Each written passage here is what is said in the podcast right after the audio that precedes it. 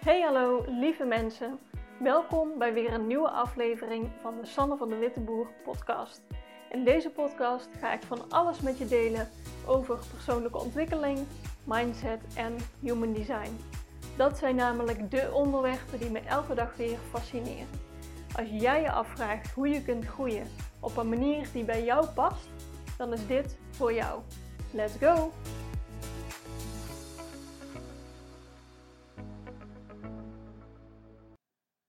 Lieve mensen, welkom terug bij weer een nieuwe aflevering. Vandaag staat volledig in het teken van een open emotioneel centrum. Dat is, uh, als je je Human Design chart bekijkt, zie je aan de rechterkant een driehoek. Uh, dat is jouw emotionele centrum. Als die ingekleurd is, is die gedefinieerd. Als die wit is, maar wel cijfertjes heeft ingekleurd, dan is die ongedefinieerd. En zoals bij mij is die helemaal open, dus ook geen uh, poorten of gates uh, cijfertjes ingekleurd, maar is echt helemaal wit. En ze zeggen ook wel dat als je dat hebt, zo een helemaal open gate, een, een open centrum, dat je dan dit leven jouw PhD te halen hebt, jouw proefschrift op dat gebied.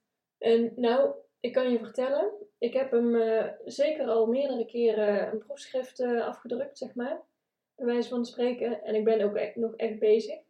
Maar ik heb een aantal inzichten opgedaan die ik heel graag met je wil delen. Lijkt me heel waardevol als je zelf een open emotioneel centrum hebt. Maar ook als je er gewoon interesse in hebt hoe dat zit. Uh, ik dacht, ik zet al mijn inzichten op een rijtje. Ik heb hier een blaadje voor mijn neus met een hoop uh, bullet points. En ik ga er vandaag gewoon over vertellen. Want ik heb er nogal wat meegemaakt qua mijn emotionele centrum. Maar ik wil beginnen met wat is het eigenlijk? Je emotionele centrum is je solar plexus. En dat gaat over, um, als je die open hebt, dan reflecteer je dus de emoties van anderen. En je versterkt ze. Dus je pikt heel snel emoties op. En ja, die absorbeer je als het ware en die vergroot je uit. En als je je daar bewust van bent, dan voel je dat je dat doet. En als je daar nog niet bewust van bent, dan overvallen die emoties jou heel erg. Of dat kan ook gedrag veroorzaken dat je heel erg gaat pleasen. Of je heel erg um, in allerlei bochten wringt om maar niet bijvoorbeeld tot last te zijn. Of een bepaalde emotie bij iemand op te roepen die jij niet wil, omdat je daar niet mee wil handelen. Dat je bijvoorbeeld niet wil afzeggen, want dan voelt diegene zich misschien uh, bezwaard, of die uh, raakt beledigd, of die vindt jou stom, of nou, wat voor emoties dan ook. En daar hou je dan rekening mee. Dat kan, hè?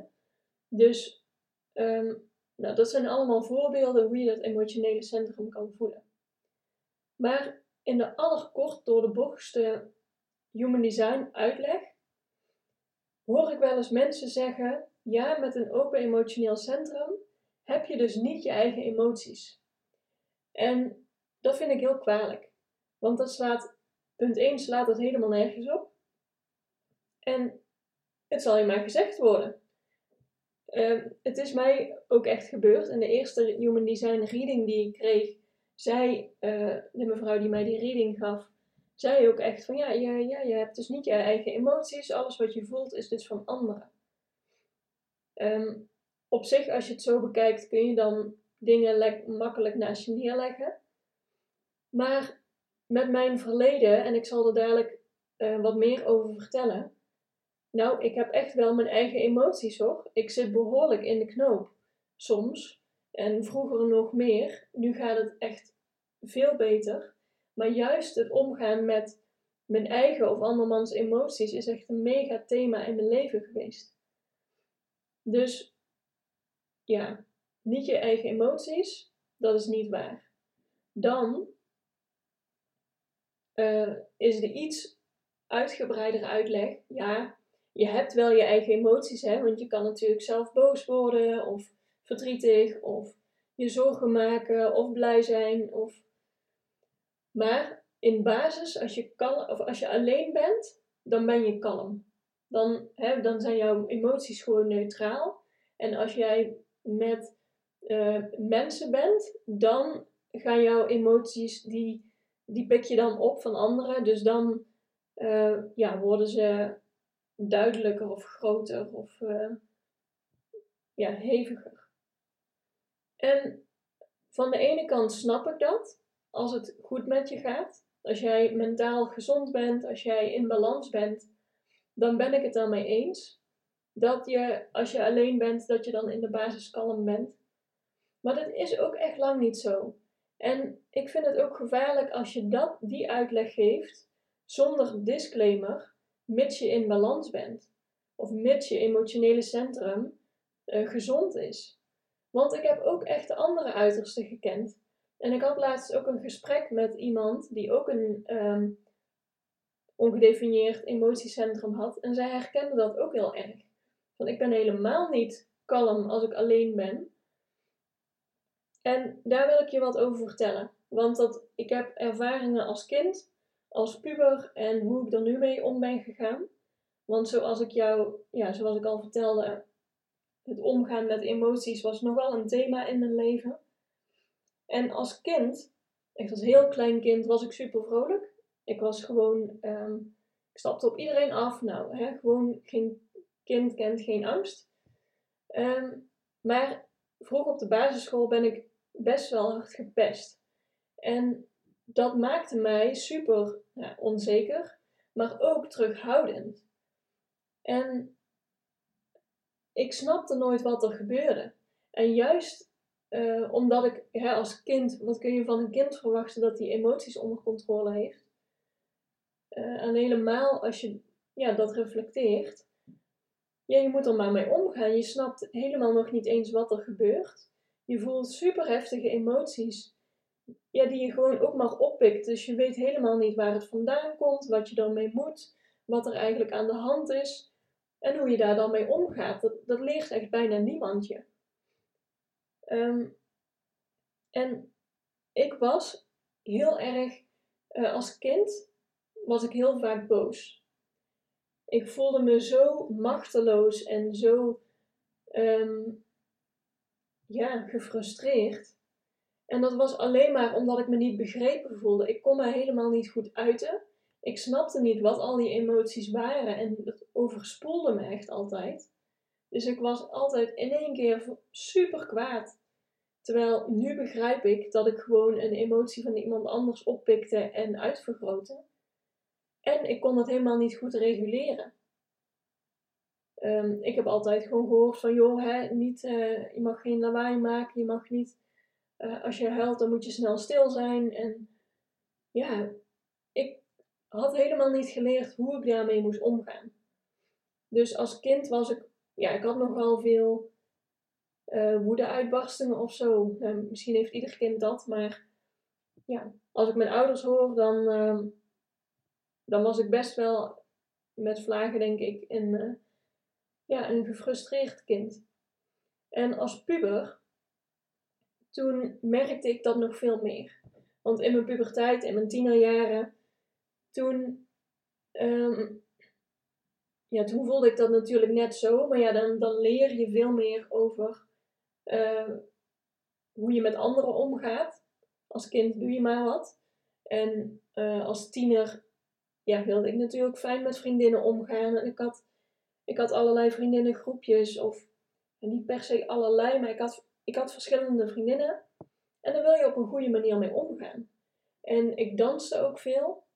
En ik merkte heel erg dat als ik tot mezelf kwam, als ik um, juist als ik alleen was, of juist ook met het dansen, als ik in mezelf keerde, dan werd ik echt super kwaad. Echt woest.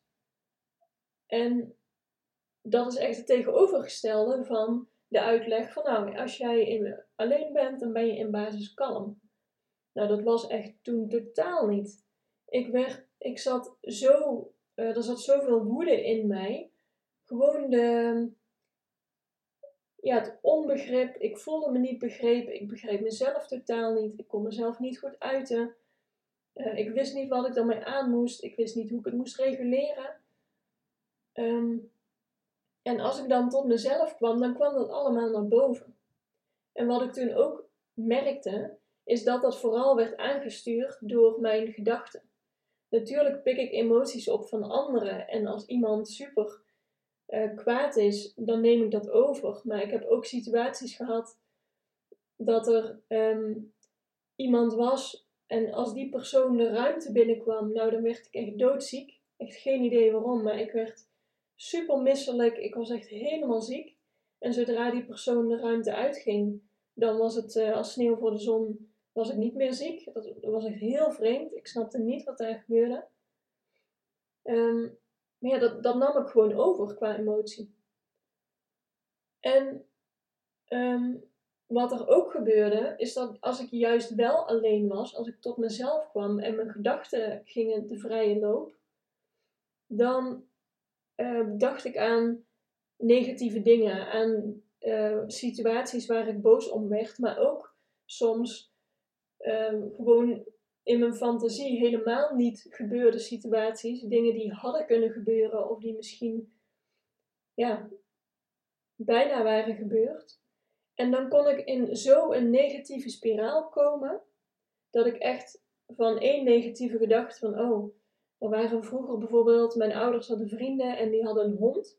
En mijn ouders hadden, hebben zelf een kat. Nou, als zij hun hond meenamen, die ging natuurlijk achter onze kat aan zitten. Zij uh, corrigeerde die hond niet eens. En ik vond dat echt super erg. Ik vond dat heel erg voor onze kat, want die was ineens in ons eigen huis niet veilig. En ik werd daar zo kwaad van. Is natuurlijk een heel kinderlijk voorbeeld. Maar gewoon puur die herinnering, als ik daar dan aan dacht, dan kon ik daar zo boos van worden. En dan van de ene kwade gedachte, dat werd alleen maar erger.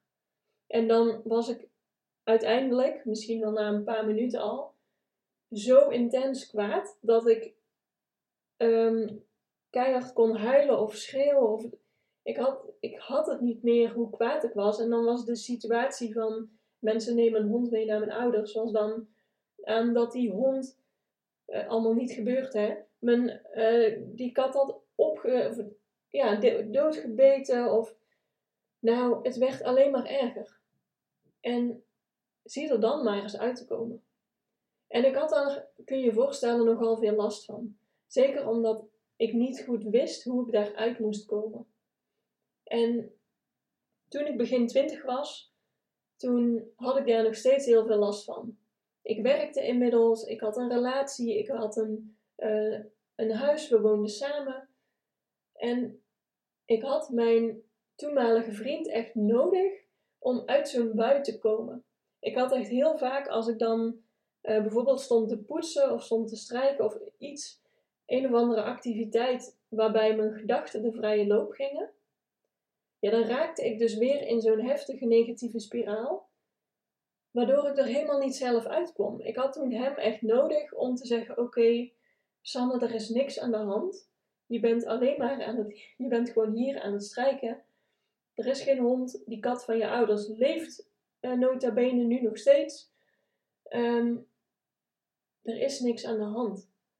En ik had dan iemand nodig om me te kalmeren en om eruit te raken en weer ja, bij bedaren te komen. En ik heb er zoveel last van gehad, want ik had echt allerlei triggers uh, die mij op dat level brachten. En ik had er helemaal geen, geen controle op. Echt, iemand hoefde maar een hele stomme opmerking te maken. En zo'n trigger ging bij mij aan en heel die emotionele negatieve spiraal werd aangeslingerd. En ik had het al niet meer. En op een gegeven moment dacht ik, ja, maar dit is toch niet de bedoeling? Ik heb echt hulp nodig hierbij, want dit is toch niet de bedoeling van mijn, van mijn leven dat ik om de haverklap, ik had er toen echt heel vaak last van, om de meest onbenullige dingen zo hard emotioneel getriggerd wordt dat ik niet eens zelf, uh, ik kan niet eens alleen thuis blijven, zo, zo heftig was het. En ik dacht, oké, weet je, ik moet hier iets aan doen. Ik heb geen idee hoe het werkt, wat er misgaat, uh, wat ik nu moet doen. Maar ik heb hulp nodig. Het enige logische wat ik kon bedenken was, nou ja, dan ga ik maar naar een psycholoog. Uh, wellicht kan die helpen. En dat was gelukkig zo. De psycholoog waar ik terecht kwam, die heeft mij heel goed kunnen helpen door alleen al uit te leggen hoe dat werkt qua uh, triggers en jouw reptiele brein. En uh, ja, dat als iemand of, ja, er iets zegt of er wat gebeurt, dat dat een trigger kan vormen. En of dat dan jou raakt, dat ligt aan jouw onvervulde behoeften. En mijn onvervulde behoefte, die was heel erg de onveiligheid. Ik voelde me zo onveilig. En dat is, ja, dat komt allemaal in je kindstuk. Omdat ik gepest ben, ik voelde me niet veilig, er kwam niemand voor mij op. Ik kreeg niet de hulp die ik als kind nodig had op dat emotionele vlak. Um, dus dat kindstuk werd de hele tijd getriggerd als iemand maar een of andere stomme opmerking maakte. En die psycholoog, ja, ik kan het je niet precies uitleggen over het reptiele brein en um, triggers en dat je dan in je emoties schiet. Uh, dan schiet je in een soort overlevingsstand en dan ja, is het een soort rennen-vluchten reactie van je lijf. Dat wordt dan totaal overgenomen en dan heeft je ratio geen, geen nut meer of geen invloed meer. Nou, als je daar meer over wil weten, uh, google dat. Ik ben daar op dat gebied niet jouw expert. Maar die psycholoog heeft mij daarin echt super goed geholpen. Ik heb echt allerlei situaties uitgewerkt met haar. Van nou, wat gebeurde er? Wat dacht ik? Wat voelde ik? Uh, ja, wat handelde ik dan? En wat was het resultaat? Hoe, welke emoties kan ik daarbij koppelen? En ik ben gaan werken aan die onvervulde um, basisbehoeften waar ik dus blijkbaar heel erg op triggerde. Was dat in mijn geval uh, me onveilig voelen. Dus wat kan ik nu als volwassen vrouw doen om mezelf veilig te voelen? Ik ben nu oud en wijs genoeg om voor mezelf op te komen, om uh, bescherming te regelen, om hulp te vragen als dat nodig is. Dus uh, ik, we zijn toen gaan werken aan tools en technieken om dat te versterken in mij. Want ja, dat is wat je wil. Je wil daar dan aan die basis gaan werken. En je wil snappen wat er qua emoties gebeurt. Nou, dat was best een traject. Ik ben niet per se heel vaak bij die psycholoog geweest, maar het duurde wel een aantal maanden voordat dat zijn effect had en voordat ik echt verschil merkte. En in het proces gaat dat zo langzaam dat je het niet echt merkt. Maar nu ik terugkijk, dat is nu vier, vijf jaar geleden dat ik naar die psycholoog ging, ja, ik kan me niet meer voorstellen. Ik heb de documenten nog, de situaties die we toen uitwerkten. Nou, het is echt idioot waar, waar ik toen van getriggerd raakte. En waar ik dus hulp voor zocht bij een psycholoog. Nou, ik kan me niet meer voorstellen dat ik daardoor, dat ik daarmee zit. Dat, is, dat zijn gewoon totaal geen issues meer. Dus mocht je in zo'n situatie zitten, weet dat er uitzicht is. Zoek de juiste hulp waar jij je fijn bij voelt. En het kan beter worden. Het is mij ook gelukt, dus dan moet het jou zeker ook lukken.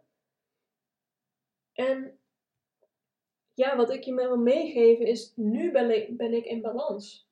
Nu snap ik mijn emoties. Ik word niet meer zo heftig getriggerd als vroeger. Dus nu kan ik inderdaad zeggen, ja, in de basis, als ik alleen ben, dan ben ik kalm. Ik heb nu nog echt af en toe, eens in de zoveel paar maanden, uh, een moment dat ik mezelf trigger met mijn gedachten en dat ik de hele tijd blijf hangen in die gedachten als een of andere uh, ja, muziekplaat die uh, blijft hangen. En ik heb nu ook de tools om daar zelfstandig uit te komen. Bijvoorbeeld een van die technieken die ik gebruik is om heel bewust te gaan ruiken wat ik ruik. Want die gedachtenstroom die kun je heel moeilijk stoppen. Mijn hoofd neemt de hele tijd ja, mij op de loop. Mijn gedachtegang. En als ik ineens me moet gaan focussen op wat ruik ik nu. Bijvoorbeeld als ik aan het wandelen ben en ik loop door een bos of door een woonwijk. Als je dan ineens een ander zintuig gaat gebruiken, dan heb je geen tijd om ook nog na te denken over bijvoorbeeld uh, die hond die op bezoek kwam bij mijn ouders.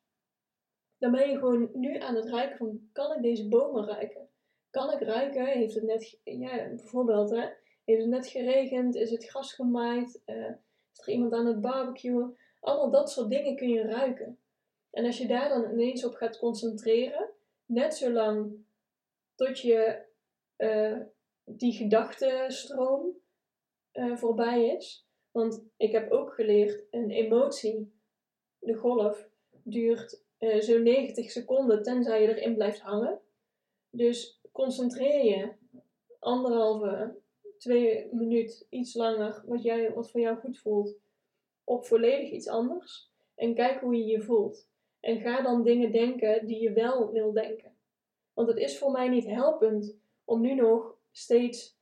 In het zijn nu andere voorbeelden in mijn leven, maar ik kan nu nog steeds terugkomen op die ene hond. Of dingen die nu gebeuren, of, of opmerkingen die ik krijg, uh, die ik bijvoorbeeld niet prettig vind. Ik kan er soms best wel in blijven hangen.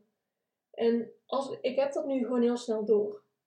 Dus als je dat eenmaal door hebt, als je snapt wat er gebeurt, je hebt een gedachte of iemand zegt iets, dat triggert jou, en je snapt dan wat er in jouw lijf of in jouw hoofd gebeurt, dan kun je jezelf ook veel beter vangen in het moment van oké, dit is niet handig, zo wil ik niet nadenken. Ik ga bewust even een ander zintuig gebruiken. Ik ga mijn uh, zinnen verzetten. Er zijn ook ademtechnieken die je zou kunnen doen. Om gewoon even een reset te maken voor jezelf. En dan breng je jezelf weer in een rustige staat en dan ben je weer je kalme zelf. En ja, dat wil je gaan masteren als je. Um, je wilt juist gaan oefenen met überhaupt jouw emotiecentrum op een gezonde toestand te krijgen. Dat je geen mentale issues hebt zoals ik had. Uh, en dan wil je gaan trainen of gaan proberen met: kan ik inderdaad bewust de emoties die ik opwek, voel ik dat bewust en kan ik dat opmerken als inderdaad die zijn van iemand anders? Of ik heb nu mijn gedachtegang die bepaalde emoties bij me oproept. Want ik kan mezelf bijvoorbeeld ook heel blij maken.